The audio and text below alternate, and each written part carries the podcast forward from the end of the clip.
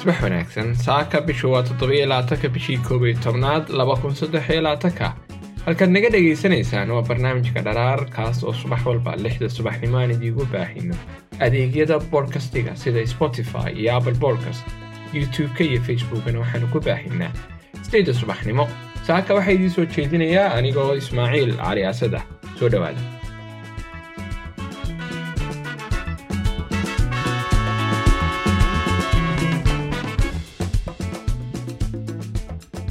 aqalka cad ee maraykanka ayaa weydiistay sanadka maraykanka inuu meesha ka saaro xanibaadaha hubka ee israa'iil iyadoo dalabkan uu la socday kabka miisaaniyaddii ugu dambeeyey ee laatankii oktoobar. Haddii la ogolaado codsigaas wuxuu u sahlayaa israa'iil inay hesho hub badan oo maraykan ah qiimo jaban iyadoo kormeerka kongaresku uu yaraan doono. Codsigan ayaa soo jeedinaya isbeddelo lagu sameeya siyaasadaha lagu maamulo kaydka dagaalada ee dhulalka xulafada ee maraykanka kaydkan oo fadhigiisu yahay israa'iil kaas oo bambooyin casri ah gantaalo baabuurta dagaalka rasaas iyo qalab kaleba ay ku jiraan. Kaydkan oo la sameeyey aadkii ayaa bontagonka siinaya hub kayd ah oo xoogan si ay qayb uga noqdaan haddii dagaal uu ka dhaco gobolkaas ama gobol walo ay ku leeyihiin kayd. Israa'iil oo ah mid ka mid a xulafada maraykanka kuwa ugu muhiimsan ee bariga dhexe gaar ahaan ayaa sidoo kale awooday inay adeegsato qaar ka mid a hubka kaydka xaaladaha degdega ah oo ay ka iibsadaan qiimo jaban. Si kastaba ahaatee waxay awooday inay gasho keliya noocyo hub ah oo loo arko mid duugoobay ama mid dheeraad ah. Codsiga aqalka cad wuxuu meesha ka saarayaa shuruudahan oo kale taasoo awood u siinaysa maraykanka inuu wareejiyo dhammaan xeerarka difaaca ama wax kabedel ku sameeya xeerarka difaaca ee kaydkiisa israa'iil waxaa kaloo ay dhaafi doonta xaddiga sanadiga ah ee qiyaasta washington u dhigto iyo xakamaynta kormeerka kongareska tosh boll oo ah agaasimo hore oo ka tirsanaa xafiiska arrimaha siyaasadaha militariga ee wasaaradda arrimaha dibadda ee maraykanka ayaa sheegay ama u sheegay intercept codsigan wuxuu asal ahaan abuuri doonaa hub bilaashah taasoo keeni doonta in wax kasta loo bixiyo si loo difaaco israa'iil. Iyadoo go'aankani uu si fudud u noqon doono mid albaabada u fura kaydka hubka ee israa'iil dhex yaalla. Maraykanku wuxuu horeba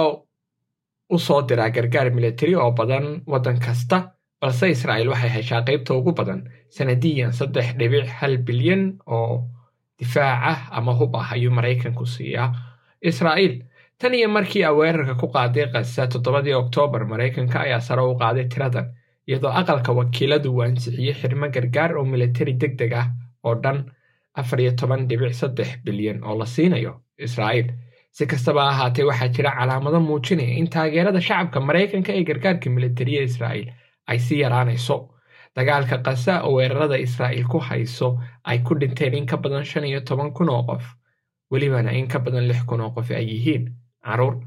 ra'yo ururin ay samaysay bishii novembar reuters boqolkiiba saddex iyo soddon. Muwaadiniinta maraykanka ee ka qayb qaatay ra'yo bixinta ayaa taageersan dowladda maraykan iyo kaalmo militari ay siiso israa'iil. Taageertana wax wal oo israa'iil u baahan tahay. Waxaa kaloo la sheegayaa in boqolkiiba afartan iyo saddex ay ka soo horjeedaan taageerada maraykanka ee israa'iil taasoo ka dhigan in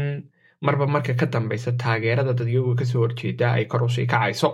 Dhanka kale gargaarka ukrain ayaa dib u dhac ku yimid sababo la xiriira diidmada xildhibaanada jumhuuriga taas oo ka dhigan in haddii ay bataan dadyowga ka soo horjeeda oo iminkaba boqolkiiba afartan iyo saddex ay tahay namber aad u badan balse ay ka sii badnaan doonto toddobaadada soo socda ay keeni doonto in xisbiyadu ama aynu dhexnaaba senatarada iyo kongaresku ay ku ololeyn doonaan taageeradaas baan ka soo horjeysan doonaa si ay u helaan codod taasoo keeni doonta ugu dambeynta in kongaresku joojiyo taageeradaas. Waa sababta aqalka cad ee maraykanku xeerarka uu bedelayo si aanay joojinta uu keeni doono kongaresku aanay saameyn badan ugu yeelanin israa'iil taageerada ay dowladda maraykanku siin doonto. Saaka intaas ayuu inoogu eegyahay barnaamijkeennu maalin qurux badan oo fiican ayaan dhammaantiin idiin rajaynaynaa. Nabaday